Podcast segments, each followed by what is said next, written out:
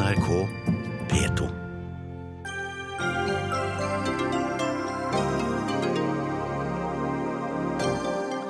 I Paris er 80 000 politifolk engasjert i jakten på terroristene som drepte tolv mennesker i går, mens hundretusenvis av parisere har tatt til gatene for å vise sin avsky mot drapene. Den franske ambassadøren til Norge er svært takknemlig for støtten fra det norske folk. Norske avisers faksimiler av Charlie Hebdo-karikaturene nører bare opp under konflikten, sier en engasjert filmregissør Erik Poppe. Han møter Geir Ramnefjell til debatt. Men hvorfor skjedde angrepet nå? Hvorfor i Frankrike, og hva blir lærdommen? Jonas Gahr Støre og Katrine Løkster forsøker å svare på noen av de store ubesvarte spørsmålene.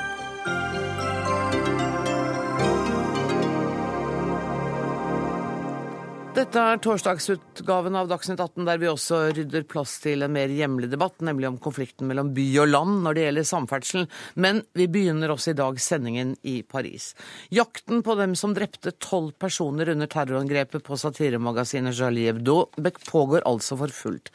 Samtidig som det i dag er nasjonal sørgedag i Frankrike. Her hjemme har det også vært markeringer til støtte for ofrene etter terroren i Paris.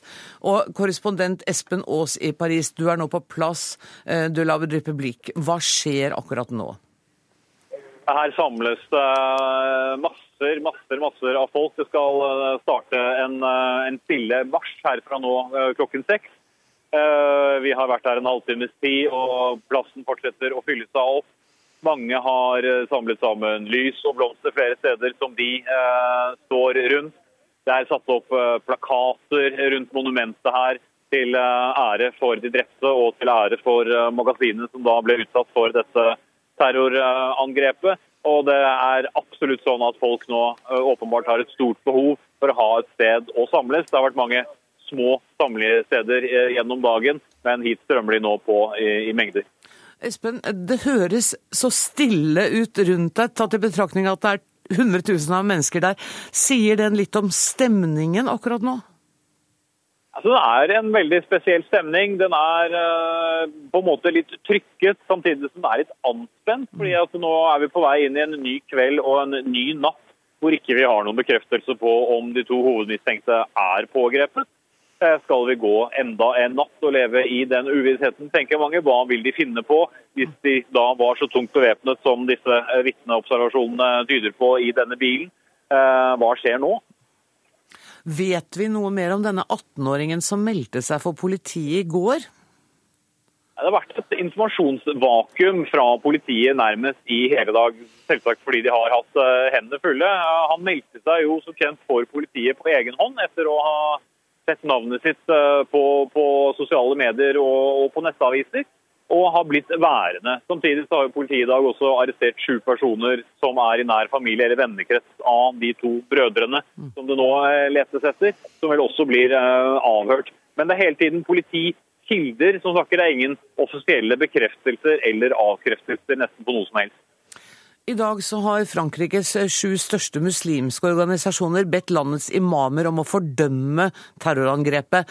Eh, er det kommet noen reaksjoner på den oppfordringen? Altså, en av de ledende imamene kom ned til uh, området uh, hvor magasinet ble angrepet i går, og var der lenge. Uh, sto der, lot seg uh, intervjue av journalister før han ble eskortert ut. Litt problematisk for noen er jo at dette magasinet har åpenbart vært provoserende for mange eh, muslimer, samtidig som det vi ikke på noen som helst måte kan gi noen rett til å støtte eh, den handlingen som, eh, som ble gjort der. Men det har jo vært diskusjoner i sosiale medier i dag. Er vi alle en del av dette? Hva var det egentlig de holdt på med? Men for all del, det store, store, store flertallet i denne byen står jo sammen nå og vender ryggen mot uh, det som har skjedd. Og mang en uh, muslim også går i gatene i dag uh, og tar avstand. Mange av de har også kommet ned og lagt ned blomster ved lokalene. Takk skal du ha for at du var med i Dagsnytt 18, Espen Aas fra Place de la République. Um, Frankrikes ambassadør til Norge, Jean-Marc Rive, um, I'm so glad you're here. And let me first um, pay my condolences on this very dark day for your country. um, and I'm really grateful that you took time to come here. Um, what was your first reaction when you heard of the murders yesterday? Thank you very much, uh, in the first place, for inviting me because I think it's uh, a unique opportunity to talk with our Norwegian friends. And I'm here, of course, to make sure that the communications goes well between uh, you and us. Uh, I was in the first place, as many other people, terribly shocked mm. by what I heard, by what we could see. Uh, which was a barbaric uh, terrorist attack against uh, people who are first uh, human beings, and life has to be respected every single minute of our life. Second, because they represent something which is very dear to Eurovision and to us French is freedom and mm. freedom of speech, freedom of expression, and uh, freedom of press. Uh, I was totally uh, stunned by uh, the way uh, these people acted in a very cold uh, blood manner, um, not hesitating to shoot very close, not only on journalists that were killed, other people that belong or worked with this. Uh, remarkable uh, Charlie Hebdo weekly, but also uh, not hesitating to shoot and kill uh, with uh, cold blood manner once again uh, policemen who are doing their duty. Mm. my second reaction, especially today and tonight, is of course I'm still under the shock. Mm. I cannot dismiss that is not the case. We were shaken. Everybody was shaken and is shaken. But I was completely stunned also by the reaction which I've seen uh, in France first, uh, but also around the world, and especially in uh, Norway, and which were very spontaneous, collective, strong show of condolences, sympathy, and support. This is something which is really very astonishing for me tonight because uh, it was a bit unexpected. Maybe we can talk later on, on that, what it means. Mm. I will do that. I'll just translate a little bit of what you yes. said. Ambassadøren sier altså at han, var, han er fullstendig i sjokk fortsatt over det kaldblodige, de kaldblodige drapene som er begått. Dette var mennesker, og menneskeliv skal respekteres. Samtidig er han også overrask, gledelig overrasket over den varme reaksjonen og spontane reaksjonen han har fått fra eh, det norske folk. Og han sier at han er i Dagsnytt 18 i dag for å opprettholde den gode kommunikasjonen han har med sine norske venner. And, and what were you saying you would like to talk a little bit more about the relationship? The relationship between uh, uh, first the shock and secondly, I mean, this uh, demonstration, huge collective spontaneous demonstration of support sympathy from uh, not only uh, from Norway, of course. And once again, I want to thank very warmly uh, the Norwegian authorities, the Norwegian press, but I mean, not only doing their duty by reporting what we think, but I mean, showing their sympathy, but also the Norwegian people. Spontaneously yesterday, a group of uh, French people, Norwegians, uh, Belgium, Tunisian, Russians came to the embassy to show their support, and we together. Mm. Uh, and how, how do you now take care of the French society in Norway? We, we, of course, with the support of the Norwegian authorities and especially the police forces and all the uh, relevant services of this beautiful state where I serve, we have done everything to make sure that we can uh, detect, prevent, and protect uh, the French population. Mm. I've had uh, this afternoon, for example, a meeting with uh, uh, what we call the consular councillors, mm-hmm. uh, which are elected people representing the French community to explain what the measures that we have taken. I've uh, been at the French school also, where measures have been taken, just to make sure that everything uh, should go as smoothly as possible. Is your impression that f- French in Norway are scared now? No, I think, as I had many occasions to talk, including with small children, of course, first reaction was question of, of scare. Mm. But what is much more surprising to me, I mean, uh, seeing what I saw yesterday, with huge demonstration in many cities of in France. I don't know whether you had a chance to, to report on what is happening, for example, in Paris, Place de la République. Uh, there was a strong support. This means that people in first place were scared, mm. but now are overcoming their fear and, and they, are, they are decided, determined to show their unity in front of what is something totally unacceptable. And this is really very comforting and very rewarding mm. because, I mean, we have uh, we have passed a threshold of fear, and we are in the phase of showing our unity, our determination, and to do it, I mean, in a very respectful manner, because we are a state of law, rule of law. We are a nation. We have been a nation for a long time, as you know, with these three uh, uh, words: liberté, égalité, fraternité, which means a lot. But mm. I've discovered uh, that fraternity I can't remember what is the Norwegian word for it, is a beautiful thing. Mm. It's not only solidarity, it's mm. something much more. much more. We think and act as brothers. And mm. what I've seen along this 48 hours is really something which is very striking for me and at the same time very rewarding. Jeg skal bare oversette I'll translate a little bit. Um, han sier altså at frykten er de ferdig med. De har gått over den terskelen. Nå skal de vise styrke, fellesskap, solidaritet. Og han viser til det franske slagordet um, frihet, likhet og brorskap, som er, har fått enda større betydning. Mr. Ambassador, Ramas, thank you so much for coming, and I hope to see you soon under happier I do thank you very much and NRK for inviting me on this occasion and once again to take this opportunity to thank every single Norwegian for the wonderful display of unity and brotherhood they, they showed. Thank you thank so you. much. Dagsnytt 18 alle hverdager klokka 18.00 på NRK P2 og NRK2.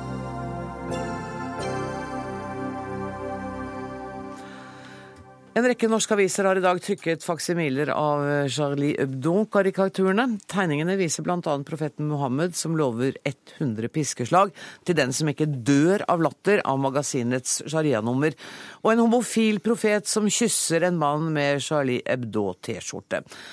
Regissør Erik Poppe, du har sagt tidligere i dag at du blir rasende over at norske aviser publiserer dette. Hvorfor det? Jeg øh, opplever på mange måter at denne diskusjonen rundt publiseringen av disse karikaturtegnene syns jeg har vært behandlet respektfullt og veldig bra ved forrige runde. Eh, da kom man på en måte fram til en slags holdning om hvordan man måte, skulle håndtere denne, denne, kompliserte utfordringen. Eh, og hva som nå gjør at man på en måte plutselig må publisere disse tegningene. Eh, tegninger som så dypt krenker mer enn 1,6 milliarder mennesker. Det har jeg ikke forståelse for. På tross av den totale, uh, ubegripelige gjerningen i Paris i går. Så du ser helt bort fra ytringsfriheten som en ukrenkelig rett? Jeg mener at vi må nå må vi på en måte, I en sånn situasjon så, så, blir vi målt på hvordan vi nå klarer å håndtere dette. Det er nå vi må holde hodet kaldt og kjølig og tenke hvordan skal vi håndtere dette.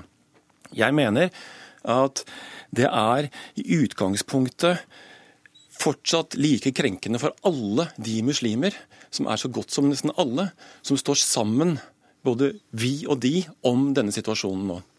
Vi fordømmer alt dette her. Jeg ser ingen grunn til at vi nå skal uh, trykke de. Uh, og jeg ser heller ikke hva som gjør at vi har noen rett til å krenke så mange mennesker. Kulturredaktør, jeg skal prøve å snakke hele ord. Kulturredaktør Geir Ravnefjell, du er hjertelig uenig i dette? Ja, det er jeg. Altså, eh, det er jo en rekke aviser og medier i, eh, i dag og i går som publiserte faksimiler av, eh, av tegninger fra Charlie Hebdo. Vi gjør det ut fra en ren journalistisk begrunnelse. altså at Vi ønsker å vise hva som er årsaken til, til de hendelsene, eller til, til drapene i, i, Paris i går. Og jeg må jo spørre Erik Poppe om altså, Mener han at etter nedslaktningen i en, i en, nyhetsredaksjon i Paris i går, skal ikke mediene vise hva som er bakgrunnen for den hendelsen? Og det er her vi nå blander flere problemstillinger sammen i én spørsmål. Altså, jeg mener, Her må vi dele dette opp. Vi er ja, jo alle som, enig i, som... Vi har alle deler under aksjon på hva som skjer. Det er jeg helt enig i. Men behovet for å måtte publisere disse tegningene, og nå i en så bred forstand, Det er nesten ikke et eneste norsk medie i dag som ikke har publisert disse. Og Jeg stiller spørsmål. Hva er det som gjør at vi nå gjør det? Altså, Vi blander dette sammen. Vi må huske én ting. Spørsmålet om ytring, ytringsfrihet det tror jeg vi alle deler. Jeg er villig, jeg er villig til å gå i fengsel for å forsvare retten til det frie ord. Men denne kollektive nå idé om at vi skal ut og publisere disse tegningene, det mener jeg bygger på en følelsesmessig eh, reaksjon som ikke er klok. Så du mener at den ikke bunner i en iskald journalistisk vurdering av det? Jeg mener at vi nå er i ferd med å miste litt hodet. Det er nå det er viktig, det er nå vi blir målt på hvordan vi klarer å håndtere denne situasjonen. Ja, altså det er jo helt ordinær journalistisk praksis å vise faksimiler som er uh, helt sentrale for en, uh, for en, nyhetshendelse. Men det var ikke helt naturlig i 2006? Da var dette et nytt fenomen som ikke var så, ikke var så et, Det var ikke et tema som mediene i like stor grad tror jeg hadde tenkt gjennom og reflektert godt, godt nok gjennom. Men i den tiden som har gått etter det, så har jo både mediene og også samfunnet rundt eh, modnet synspunktet sitt rundt hva det vil si å skulle forholde seg til eh, ytringsfriheten og ytringsfrihetens rammer. Eh, og det er helt klart at når vi skal dekke en sak hvor en, et satirisk ukesmagasin som slår i alle retninger, er blitt utsatt for et, for et et, forferdelig attentat, så er det viktig for oss å vise publikum hva dette dreier seg om. Ikke minst for å vise det at eh, satirestedet eh, Charlie Hebdo de er, et, de er ikke et, et, et høyreorientert eller høyreradikalt eller eh, opportun, opportunistisk satiremagasin. De er et magasin som, som slår i alle retninger, og som representerer en type satirisk tradisjon som det er veldig viktig å hegne om. Og Alle trenger ikke å være Charlie Hebdo. alle trenger ikke å, å publisere like kompromissløst som det Charlie Hebdo gjør. Men det er viktig at vi lar Charlie Hebdo for å gjøre det. fordi hvis ikke eh, de kan altså Hele poenget med å være et satirisk eh, ukesmagasin som de er, er å kunne være utfordrende og grenseoverskridende. Eh, og det er et symbol på eh, en satirisk tradisjon som står sterkt i Frankrike, og som det også er viktige elementer av i norsk og internasjonal presse for øvrig. Og eh, satiren er på mange måter et symbol på de vide rammene for den offentlige samtalen som som, som, som, offentligheten er helt avhengig av for å kunne ikke stivne i formen. Men la meg bare få sagt en ting. Altså, vi må bare aldri glemme at ytringsfriheten først og fremst handler om et ansvar. Og i det ansvaret så handler det om å møte mennesker med respekt. Mennesker som mener noe annet. Som står for en religiøs opplevelse, en meningsutførelse, som kanskje ikke vi alle eh, står inne for, men som gjør at vi på mange måter skal beskytte og forsvare dette, eh, hvor lite vi enn måtte like det. Men Poppe, er du redd for at uh, man ved å offentliggjøre alle disse tegningene og trykke dem opp igjen, bidrar til å ut, altså forsterke den konflikten som er mellom grovt sett da, muslimer og det vestlige? Ja, men Det er jo helt klart. altså Det trenger man jo ikke å diskutere hvorvidt det gjør det. Det vet vi jo at det gjør. Beviselig. Jeg var i Kabul når denne amerikanske pastoren eh, lagde denne filmen for et par år siden. Man trenger jo ikke å snu seg for å finne ut at folk reagerer, at folk føler seg krenket. Det er jo ikke det. Og vi må være klar over at det finnes altså millioner av muslimer som på fredelige, demokratiske midler går ut og protesterer og uttrykker sin fortvilelse over dette. Det oppleves krenkende. Tenker dere ikke på den krenkelsen Altså, Vi har ikke noe uh, mål eller motiv om å krenke muslimer. Altså, Vi mener jo ikke at dette er, handler om muslimer generelt. Selvfølgelig. Dette er, handler om, eh, om, eh, om forbrytere som har, som har, begått en forferdelig handling, og som skal straffeforfølges og dømmes for det. Mm. og det, er veldig, det er veldig viktig å understreke at dette handler om om en spesiell gruppe ekstremister. Men dette er en spesiell gruppe ekstremister som angriper et veldig viktig fundament i samfunnet vårt, og som vi eh, må vise frem og eh, formidle eh, nyhetsmessig og journalistisk. Og eh, igjen prinsippet om at Eh, vi skal tillate den type ytringer som Charlie Hebdo eh, har stått for. Det er veldig sentralt for å kunne hegne om mangfoldet og spennvidden i, i offentligheten. Man kan jo bare se på hva som skjedde med Associated Press, at det har vært flere, flere internasjonale medieorganisasjoner som har fulgt Poppes oppfordring og har sensurert eh, Charlie Hebdo-tegninger nå i nyhetsformidlingen sin. Og Da de, fikk de henvendelse fra Washington hva heter det for noe, Washington Magazine, eller en pressgruppe i, i, i USA, som ønsket at man også, at Associated Press også skulle fjerne um, innhold i deres uh, arkiver som kunne være støtende mot andre religiøse grupper og, og kristne.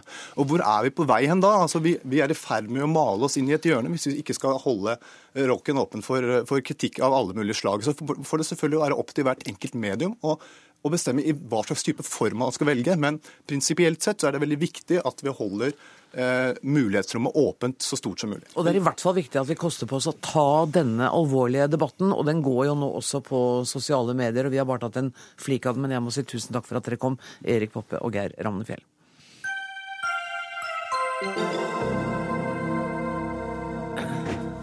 Og vi skal fortsette litt i forlengelsen av det vi nettopp snakket om. Charlie Hebdo sier i dag at neste nummer kommer som planlagt i neste uke. Så viktig mener de at satire er. Og den resterende staben skal få hjelp fra Google til å trykke et rekordopplag på én million eksemplarer. Charlie Hebdo gis vanligvis ut i et opplag på 60 000. Um, Mehtab Afsar, du er generalsekretær i Islams råd, som representerer muslimer i Norge. Um, hva er din reaksjon på at Satiremagasinet nå kommer ut med kanskje enda flere uh, karikaturer og spredt enda videre? Først og fremst så vil jeg jo uh, presisere uh, og påpeke atter en gang at den terrorhandlingen som fant sted, fordømmes på det sterkeste av Islamsk Råd Norge og muslimer over hele verden. Dette har ingenting med islam å gjøre. Og, og så er det litt, litt Eh, ja, litt merkelig at, at eh, media kobler dette her opp som om det er en diskusjon og en debatt om islam og islamske verdier. Det mente jeg ikke å gjøre. Nei, nei, nei, du har ikke gjort det. Men det har vært generell Eh, det som har, vi har vært vitne til. Og det tenker vi er, er en, eh, altså en, tragedie på en tragedie. Mm. Fordi... Det forstår jeg, men jeg tror vi skal mm. klare her å nyansere mellom den handlingen disse terroristene begikk, mm. og den reaksjonen du og mange muslimer med deg mm. har på karikaturer av profeten. Og det var i grunnen det jeg spurte om. Ja. Um, hvordan reagerer du på at disse karikaturene kanskje blir flere og kommer i millionopplag? Er det, er det krenkende, som vi hørte en sa her? Altså, eh, Med ytringsrett så følger også ytringsansvar. Man må også være klar over hvordan man eh, omtaler sine medmennesker. Hvis hensikten er å fremme et budskap, så kan man også gjøre det på en verdig måte. Man kan også gjøre det på en voksen måte. Hvis det er snakk om islamkritikk, så har jo islamkritikk pågått i 1400 år. Det er jo derfor vi har ulike lovskoler innenfor islam. Det er derfor vi har ulike tolkninger av Koranen. Og så islamkritikk har man. Men, Men ikke i form av karikaturer. Nei, Setter Setter du en grense der? Eh, det er en grense som er satt av islam, og jeg som muslim eh, ønsker å følge denne grensen på følgende måte ved at jeg ønsker ikke at min profet skal fremstilles som et dyr, skal eh, fremstilles på en krenkende måte, og håning av, av, av, av profeten og, og, og, muslim, og islam, det, det, mener jeg at her på en måte kan man godt eh, eh se litt nærmere på hvordan ønsker vi å ta opp den kritiske de, de, debatten om islam, eh, om, om, om islam. Og det er det fullstendig rom for. Og så er det én ting som jeg gjerne vil eh, legge til. Det er å Og da ta loven i egne hender og si at nå skal vi faktisk drepe de mennesker som har karikert, som har eh, eh, laget tegninger.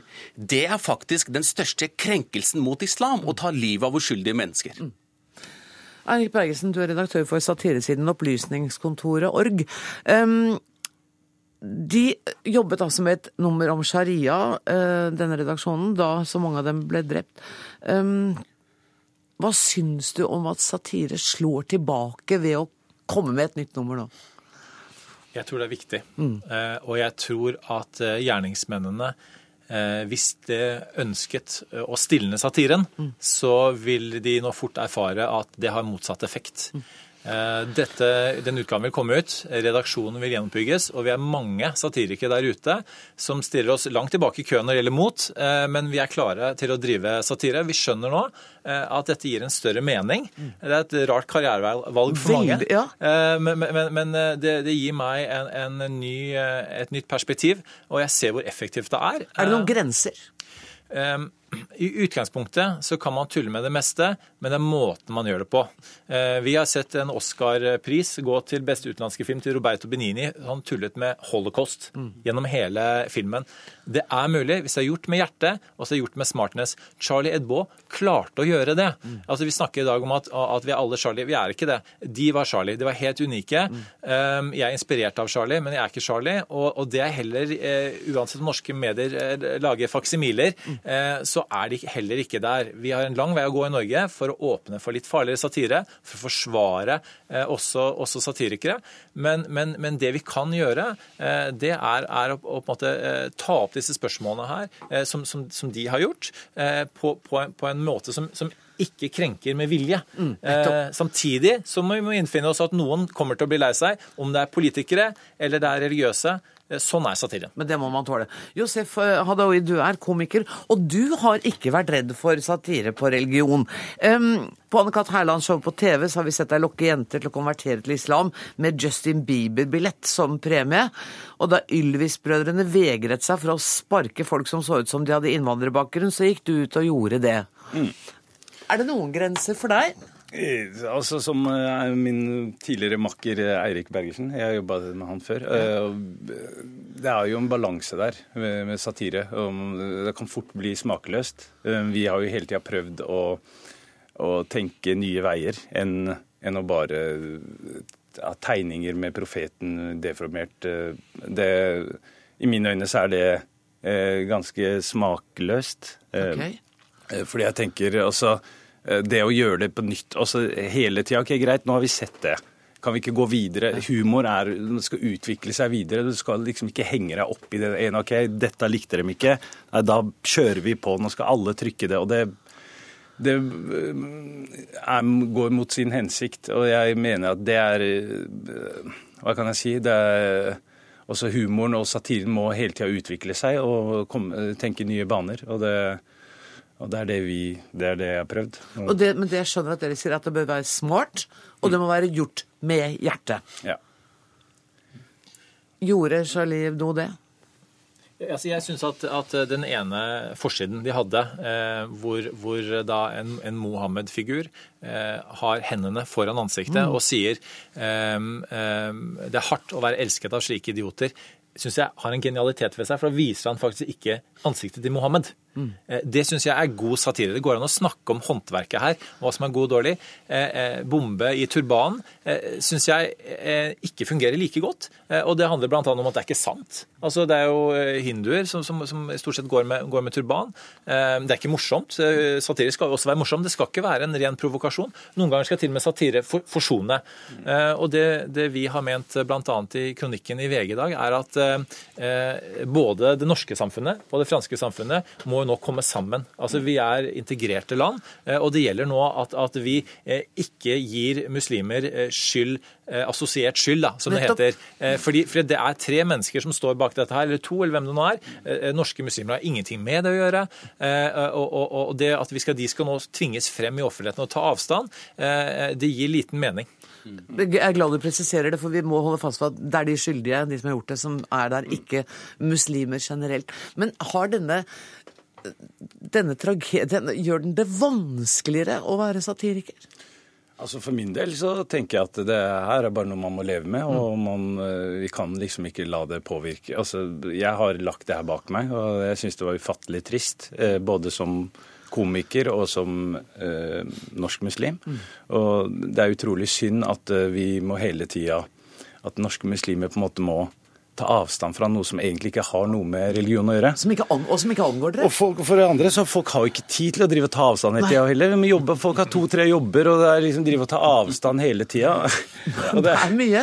det er mye styr. Og, og, og så er det den, den delen av befolkningen med innvandrere som ikke ikke jobber, som kanskje ikke veit hva det, å ta avstand er. Da får jeg spørsmål om Josef, hva, hva er å ta, avstand? ta den? Skal vi ta avstanden, eller hva? Så det er, de jobber, går mot sin hensikt. Viktig det han sier. fordi i det vi blir spurt om så å si hvert kvartal, om tar du avstand fra terror, tar du avstand fra terror, så har vi begynt å lure på er det slik at vi ikke blir trudd. Er det slik at folk mener at vi taler med to tunger? Hva tenker du om, hva er svaret på det? Jeg føler at det er en krenkelse mot meg.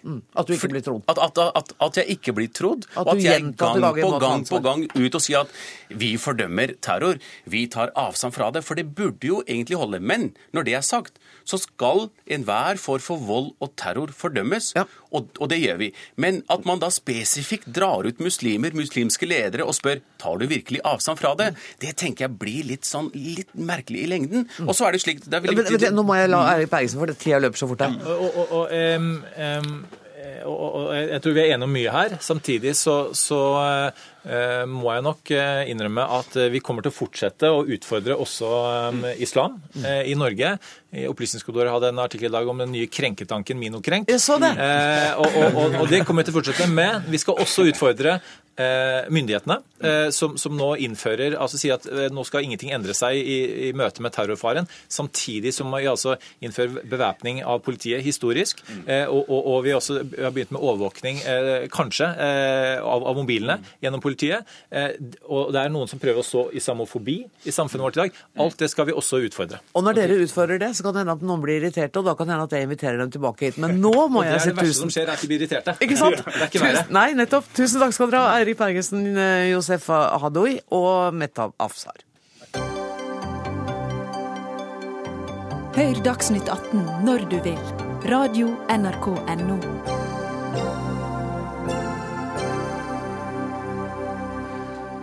Etter disse to dystreste døgnene i Frankrike etter krigen er det et utall ubesvarte spørsmål. Hvordan kunne det skje, og hvorfor nettopp i Frankrike? Og hva kan landet gjøre for at det ikke skjer igjen? Hva kan vi gjøre?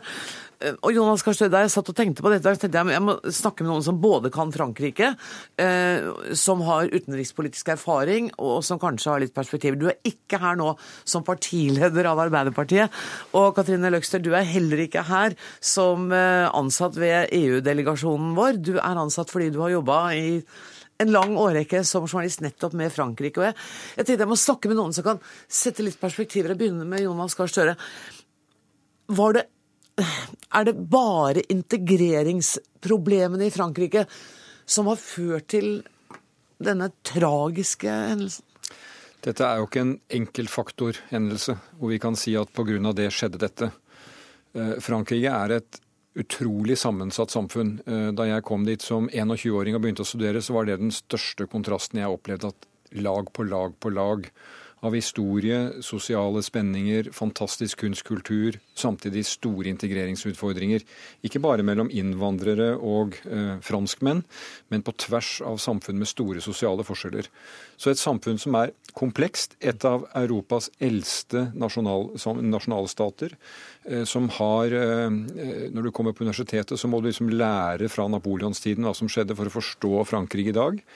Så det følger med mange spenninger, eh, og, eh, som, som alle har sin plass i å forklare hvorfor eh, noe sånt kan skje, tror jeg. Så det er ikke nok å peke på at her kommer det to, tre sannsynligvis født i Frankrike, kanskje barn av algeriske foreldre. Der ligger forklaringen. Mm. Det er et større teppe. Økonomisk krise, sysselsetting, integrering også langs den, den aksen.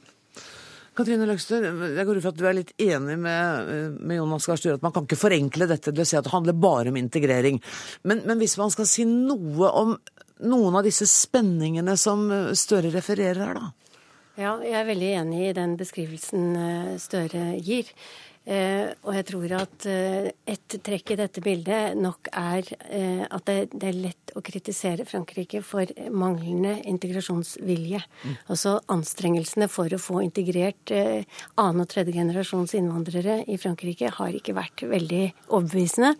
Og det er, en, det er et aspekt av dette. ikke sant? Vi må bare huske på at det sinnet som eksisterer i mange, i store deler av ungdomsgenerasjonene her, det er en faktor som ligger som et bakteppe. Husk på det at disse, disse ungdommene har alle sammen gått på fransk folkeskole. Og der lærer de om verdiene. Der lærer de om likhet, brorskap og, og frihet. Og de opplever ikke det i sine liv der hvor de bor. Sånn at her ligger det og koker et sinne som det skal mye, det skal store anstrengelser til for å, å få bukt med. Men eh, det er ikke noen endimensjonal forklaring på akkurat det som har skjedd her. Eh, dette, dette, skjer jo mot et bakteppe, ikke sant? et mm. internasjonalt bakteppe. Altså Se på situasjonen i Midtøsten. Eh, den spiller selvfølgelig inn her. Eller selvfølgelig skal man kanskje ikke si, men det er grunn til å tro, det ligger nær å tro, at, eh, at det som nå skjer i Midtøsten, som er så brutalt, eh, også på en eller annen måte påvirker situasjonen i Frankrike. Så de elementene er i hvert fall til stede her. Og kanskje også påvirker situasjonen i Norge. Og Jonas Gahr Støre, du har jo fått uh, gjennomgå, holdt jeg på å si, for din takling av den forrige karikaturstriden. Vet ikke om du hørte den debatten vi hadde nå, som lignet jo på den vi hadde uh, for uh, noen år siden. Hvor står du i dag? Er det en fare for at vi utvider kløften mellom det vestlige og det islamske ved at vi holder ytringsfrihetens fane så høyt? Ja, nå var det egentlig det, det to temaer. da. 2006 ja. er ikke 2015, og det er interessant å diskutere 2006. Eh, da var det, som det ble sagt her, også en ny erfaring, disse trusselbildene. Jeg var utenriksminister og skulle håndtere eh, voldelige trusler mot nordmenn, mot norske interesser, mot norske bygninger, mot nordmenn på jobb i utlandet. Eh, slå ring rundt ytringsfriheten, samtidig som vi også må forklare hva som er norske realiteter. Mm. Men jeg, jeg, jeg syns at Poppe brakte jo inn i denne diskusjonen noen interessante perspektiver hvor jeg tenker at den, den, det, det, Jeg har veldig respekt for de mediene rundt om, de redaktørene i dag som sier 'vi trykker'. Mm. Og jeg slår veldig ring rundt den kjerneverdien at redaktørene har det ansvaret. Ikke vi politikere, og det er viktig for ytringsfriheten. Men hvis det blir slik at eh, nå, må vi, nå, må vi, bestrebe oss på å krenke mm. for å vise at vi har ytringsfrihet, så vil jeg advare mot det. Jeg tror ikke det er en klok vei. Igjen, det er redaktørene som må ta det ansvaret, men det kommer liksom litt i kategorien at vi skal da vise og nærmest eh, hevne med ord eh, disse grusomme tingene som skjer. Og ytringsfriheten skal jo være tøff, utfordre meninger, argumenter, satire, karikatur. Eh, men jeg kan ikke se, jeg oppfatter iallfall ikke slik at det er et mål for at den ytringsfriheten er ekte, at vi lykkes med å krenke og, og, og, og støte. Det er jo subjektive verdier. Hva som krenker deg og meg, er forskjellig. Eh, jeg tror vi har lært veldig mye på disse årene. Og jeg sier også, eh, når jeg blir spurt i dag om at eh, jeg ville kanskje ikke ordlagt meg på akkurat samme måte i 2006 som jeg gjør i dag, men det er jo naturlig, fordi at tingene utvikler seg. Det som skjedde i Paris, det skjedde altså ikke i Norge. Og det, det som nå skjedde i Paris, er så, så, grusomt og opprørende at vi må både vise solidaritet med den ambassadøren du hadde tidlig i sendingen på vegne av det franske folk, og forsøke å forstå det som skjer. Bare én kommentar til det Katrine sa integrering. Du var inne på det også, programleder. Jeg tror det at samfunn som har store integreringsutfordringer, blir særlig ut, sårbare for denne type spenninger som oppstår. Mm. Fordi det tenner så veldig lett. I samfunn hvor integrering har gått bedre, så, er, så, tåler man mer i samfunnsdebatten uten at det blir vold, uten at det, uten at det sklir ut. Og der har Frankrike mange, mange sårbarheter. Mm. Men, men, tror dere, og nå til deg Katrine, tror dere at det, den reaksjonen vi ser nå, den voldsomme reaksjonen, fredelige reaksjonen i Frankrike, men er alt dette med på å skjerpe konflikten mellom de hvite franske og, og, muslimene?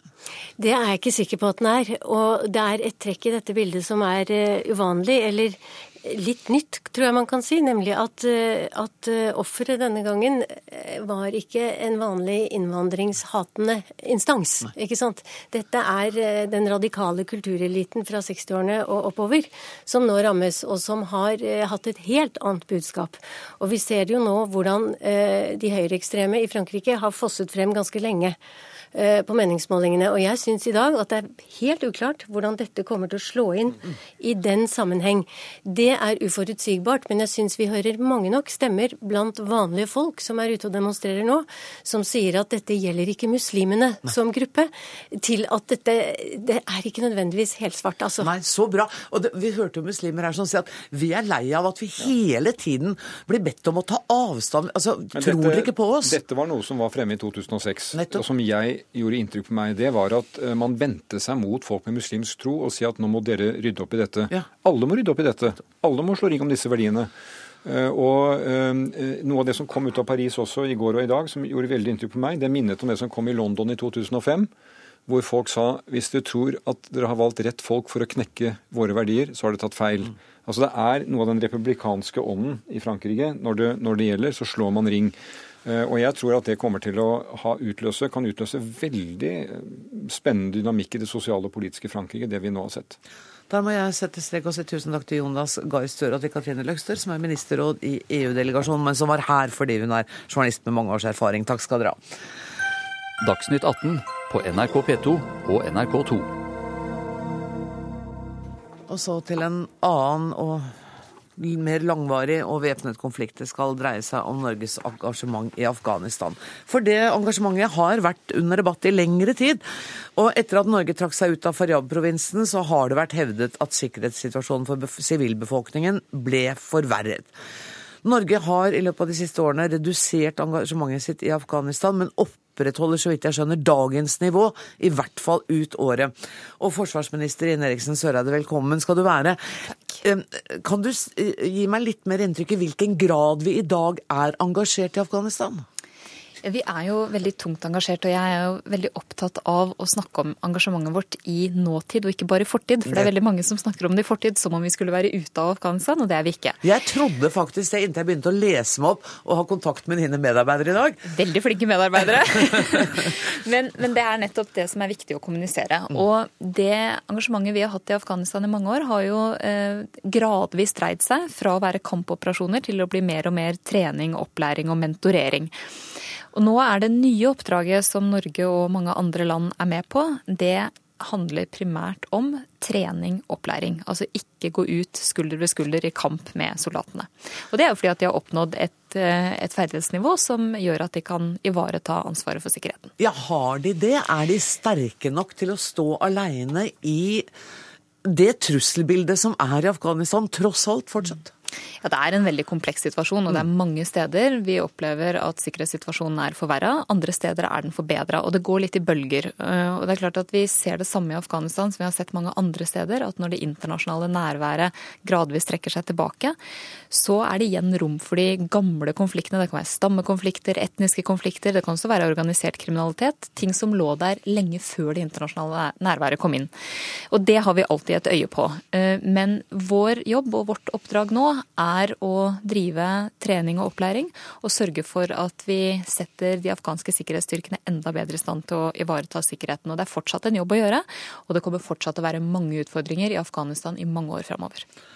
Kristian Berg Harpegen, du er direktør ved Institutt for fredsforskning. Eh, Du har vært kritisk, eh, uttalt kritisk til mange sider ved, ved det norske engasjementet. Du har bl.a. sagt at dette her gjør vi av Nato-sikkerhetspolitiske hensyn. Ja, Det oppfatter jeg som kritisk. Det oppfatter jeg bare som, eh, som realitetsorientert og sannferdig. Og, og Går vi tilbake til 2001 og leser f.eks. daværende utenriksminister Jan Petersens begrunnelse for Stortinget, så er jo Jan Petersen helt krystallklar på at dette handler først og fremst om Norges allianseforpliktelse. Det bør ikke komme som noen overraskelse på noen, kanskje særlig ikke i dag, i 2015, når eh, mange i Norge priser seg lykkelig for at man eh, er, står i en Nato-allianse. Da er man vel kanskje glad for at man har pleid den alliansen. Jo, men altså, Jeg oppfatter at du kanskje syns at den Nato-allianseforpliktelsen ikke var begrunnelse god nok for at Norge skulle gå inn så tungt som vi gjorde. Jeg har, jeg har jobba i Afghanistan i 25 år, og jeg er glad i afghanere og glad i Afghanistan. Og jeg syns at en begrunnelse for en militær intervensjon i Afghanistan bør først og fremst ha å gjøre med hva som tjener Afghanistan. Og jeg mener ikke at det militære nærværet har tjent Afghanistan. Jeg mener at det på mange måter har vært eh, kontraproduktivt. Eh, Jeg var skeptisk til intervensjonen i 2001. Den skjedde. Den ble hjertelig omfavnet av de aller fleste afghanere. De var langt mindre skeptiske enn meg. Eh, Men så viste det militære nærværet seg etter hvert å være ganske hårhendt. Såpass hårhendt at det vekte mye opposisjon, og trigget også mange av disse lokale konfliktene som forsvarsministeren var eh, innover, og satte de på en måte inn i et politisk mønster der Taliban ble overbygningen. Mm. Sånn at mye av det som den opposisjonen vi ser i dag, den tror jeg ikke ville vært der hvis vi ikke hadde vi ikke hadde hatt et så hårent militært nærvær. Det er et dilemma, forsvarsminister. Det er alltid et dilemma når man bruker militærmakt, for den har selvfølgelig sine naturlige begrensninger, og det er jo få som er mer klar over det enn eh, militæret sjøl. Og derfor så har jo det norske nærværet og engasjementet i Afghanistan, som har strekt seg over langt flere år enn de 13 åra som har gått siden 2001, også bestått av bistand i mange år, politisk assistanse og jeg er jo glad for at vi ser noen positive tegn når det gjelder den politiske ståa i Afghanistan. At man klarer å til slutt forvalte en president, få satt sammen en regjering etter hvert.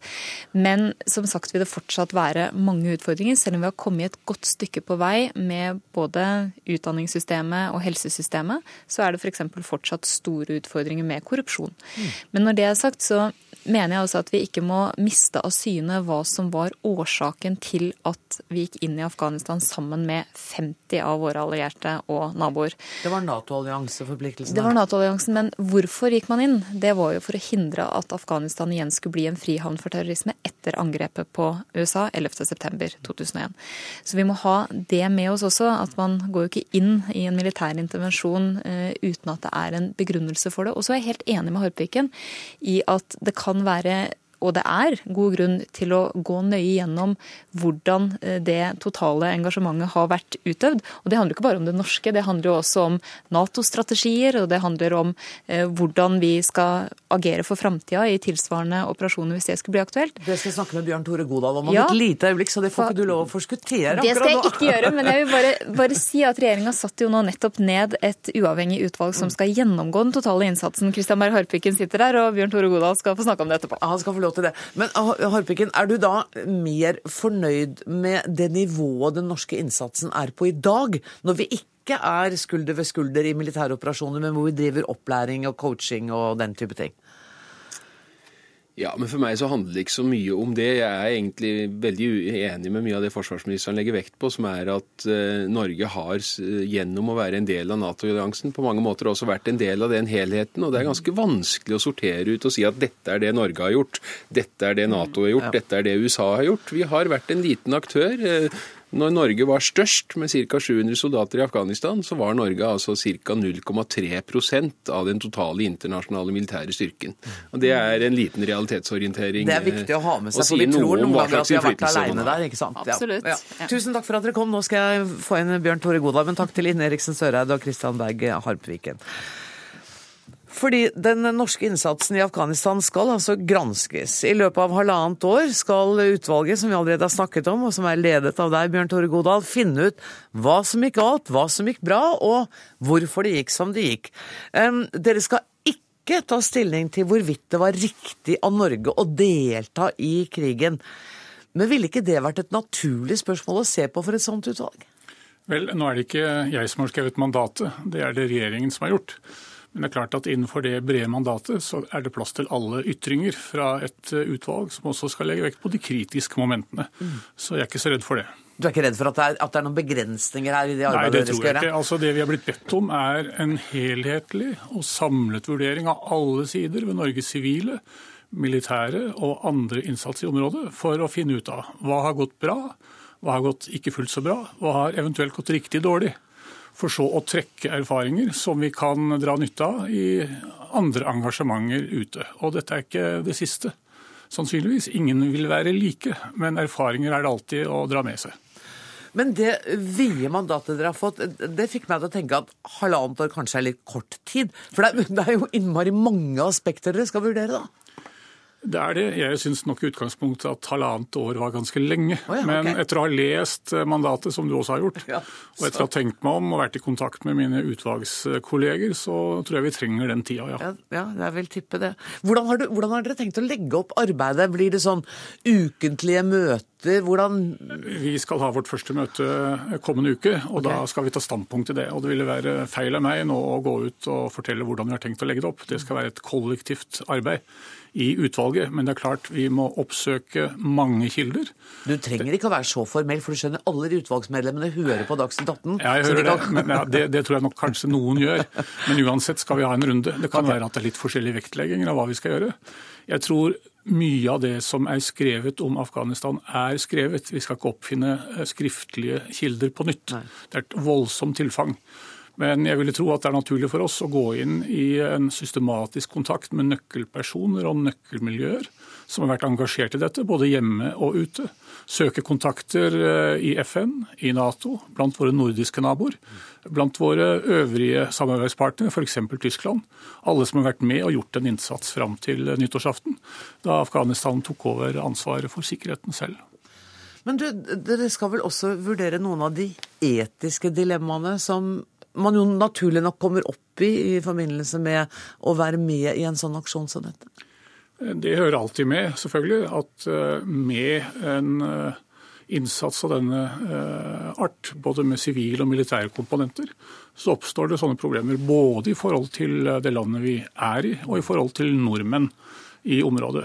Ti liv er gått tapt. Vi har brukt 15 milliarder kroner i en svær innsats. Den er jo liten i det store bildet, men likevel, i forhold til folketallet, som vi pleier å si, ganske stor. Og vi skylder det norske samfunnet en tilbakemelding på hvordan dette er gått, og hvordan utvalget vurderer det. Skal dere også se på eh, norske forpliktelser når det gjelder afghanere som har vært i norsk tjeneste? Jeg tenker ikke bare på tolkene, men på alle andre som har gjort en jobb for Norge? Ja, Det er klart det er et tema blant mange temaer. Eh, vi har en lang liste i utgangspunktet, eh, utover det som står i mandatet, som vi må sneie innom og som hører naturlig hjemme. Og Jeg tipper at utvalget er nødt til å velge ut noen hoveddimensjoner, men den du nevner, er en sånn.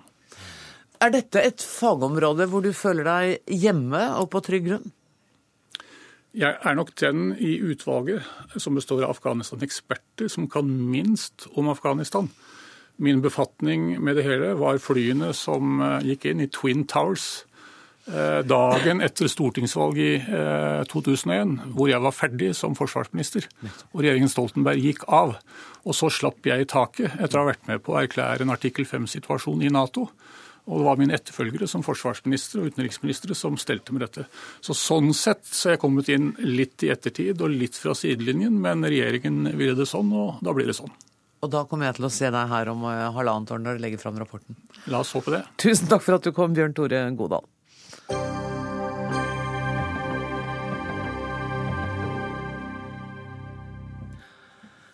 Knapt noe sted i Europa øker befolkningen som den gjør rundt de store byene i Norge. NHO mener at det bør få konsekvenser for samferdselspolitikken. Byene bør rett og slett få langt mer av samferdselskronene enn distriktene i framtida.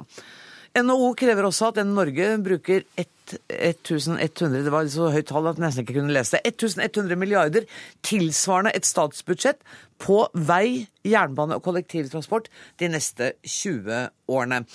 Ehm, I dag har NHO holdt sin eh, årskonferanse, og Trygve Slagsvold Vedum, ehm, jeg hørte deg komme med ganske skarp kritikk av den konferansen på eh, Her og Nå tidligere i dag? Ja, Det er en uh, rein propagandakonferanse for sentralisering. At Norge blir et mye mye bedre land hvis alle bosetter seg nærmest mulig et bysentrum. Hvordan tror du at du blir tatt på alvor når du kaller NHOs årskonferanse for en propaganda? Nei, men Jeg må jo si det jeg mener. Altså, det tror jeg er det lureste for enhver politiker. altså Si det en mener, så, kan, så får, jo, får folk vurdere det. Men altså, det var jo voldsomt løp i dag. 100 eh, norske kommuner, det var det store målet. Lage sånne byregionkommuner. Det vil endre Norge totalt. Et veldig ytterliggående standpunkt når det gjelder kommunesammenslåing. Det er, ikke, det er nesten ikke å sammenligne med noe annet europeisk land, den modellen som eh, NHO legger opp til.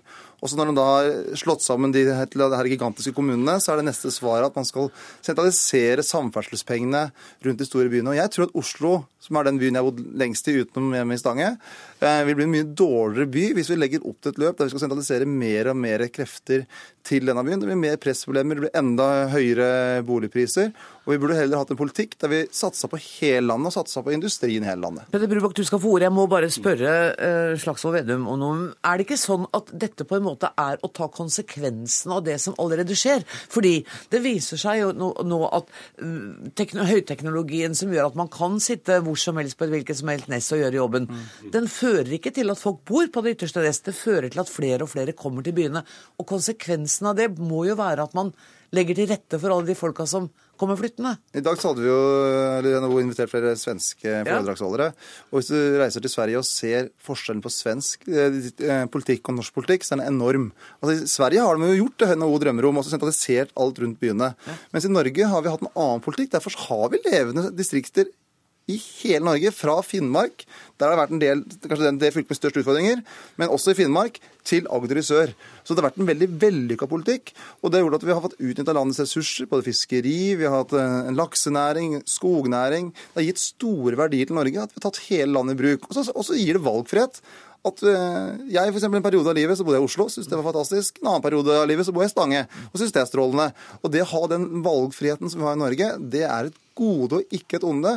Og NHO har blitt sånn jeg synes det er litt overraskende i dag at de ikke er mer opptatt av den produserende delen av norsk næringsliv.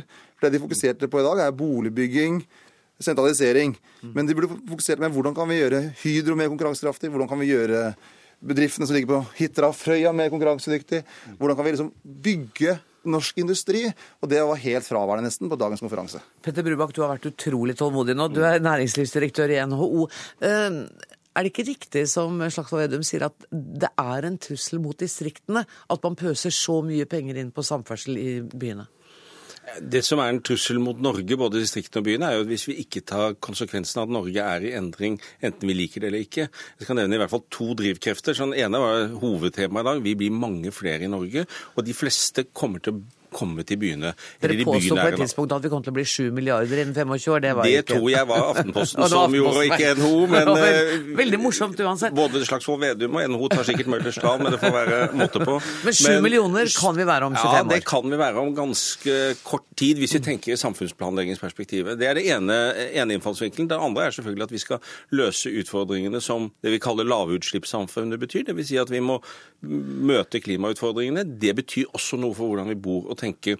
Men jeg er veldig overrasket over kritikken fra Senterpartiet i den forstand at jeg syns vi i dag viste frem nettopp Hitra Frøya som en næringsregion som klarer seg veldig godt, som er avhengig av gode kommunikasjoner med Trondheim, fordi det er der de henter kompetanse og samarbeider med forsknings- og utdanningsinstitusjonene. Nettopp et eksempel på at vi må klare å ha mer enn én tanke i hodet på en gang. Og den andre tanken er da at 1100 milliarder skal brukes i løpet av 20 år på, på kommunikasjon til på kommunikasjon byene. over hele landet. Over hele landet, Over altså hele ikke bare landet. til byene, Slagsvold Vedum. Nei, det er, jo, det er jo bra det at en ser at Norge er litt mer enn bare byene. Ble du litt glad, da? Ja, jeg har, jeg har jo skjønt det, da. Men poenget er at det var, ordet, det var veldig ensidig fokus i dag. Og så ta det Hitra Ja, gjør Frøya-eksempelet. det. Fordi at det, det, noe av det som ble løftet fram av den, eh, i det eksempelet, var nettopp at de hadde nær kontakt med kommunen. Det var ubyråkratisk, det var enkelt. Og så sier da eh, NHO resten av dagen jo, men sånne kommuner som, hit, som er på Hitra og Frøya, de vil vi ikke ha. For vi vil ha store, sentraliserte kommuner som gjør ting mer byråkratisk. Fordi jeg tror nettopp det mangfoldet vi har i Norge, med at vi har den fantastiske hovedstaden, vi har den grønne hovedstaden, og samtidig at vi har de her små stedene som Hitra og Frøya.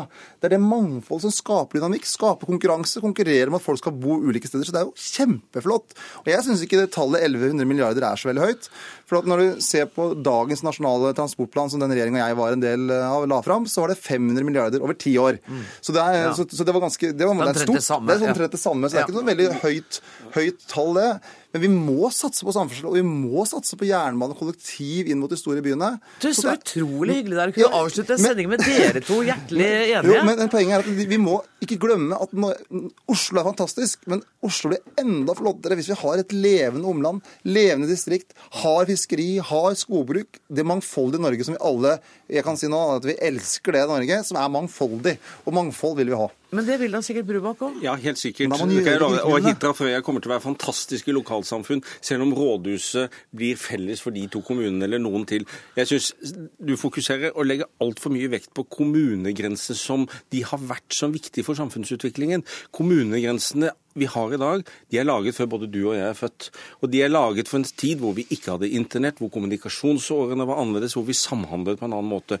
Nå er vi opptatt av at vi må bygge kommuner som tilsvarer hvordan vi bor og arbeider på en sånn måte at vi kan, altså kommunene fortsatt kan levere gode tjenester til innbyggerne og til bedriftene. Og Der mener vi det er eh, store utfordringer slik vi er organisert i dag. Derfor mener vi at det er riktig at vi tenker at en kommune fremover skal være sånn som vi bor og arbeider i en naturlig region. Mm.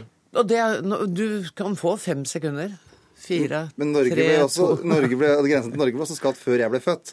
Men, men likevel har Norge vært en suksesshistorie, og mange av de små kommunene som Hitra Frøya, som vi så i dag, var også en suksesshistorie. Vi må ikke ødelegge suksessene, vi må heller bygge videre på dem. Det budskapet har vi fått med oss. Tusen takk skal dere ha, Petter Brubakk og Trygve Slagsvold Vedum. Jeg skal før dere går bare skynde meg å si at det er Berit Ytterhus som har vært ansvarlig for denne sendinga.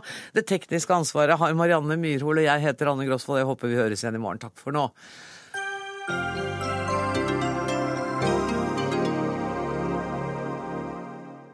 Hør flere podkaster på nrk.no podkast.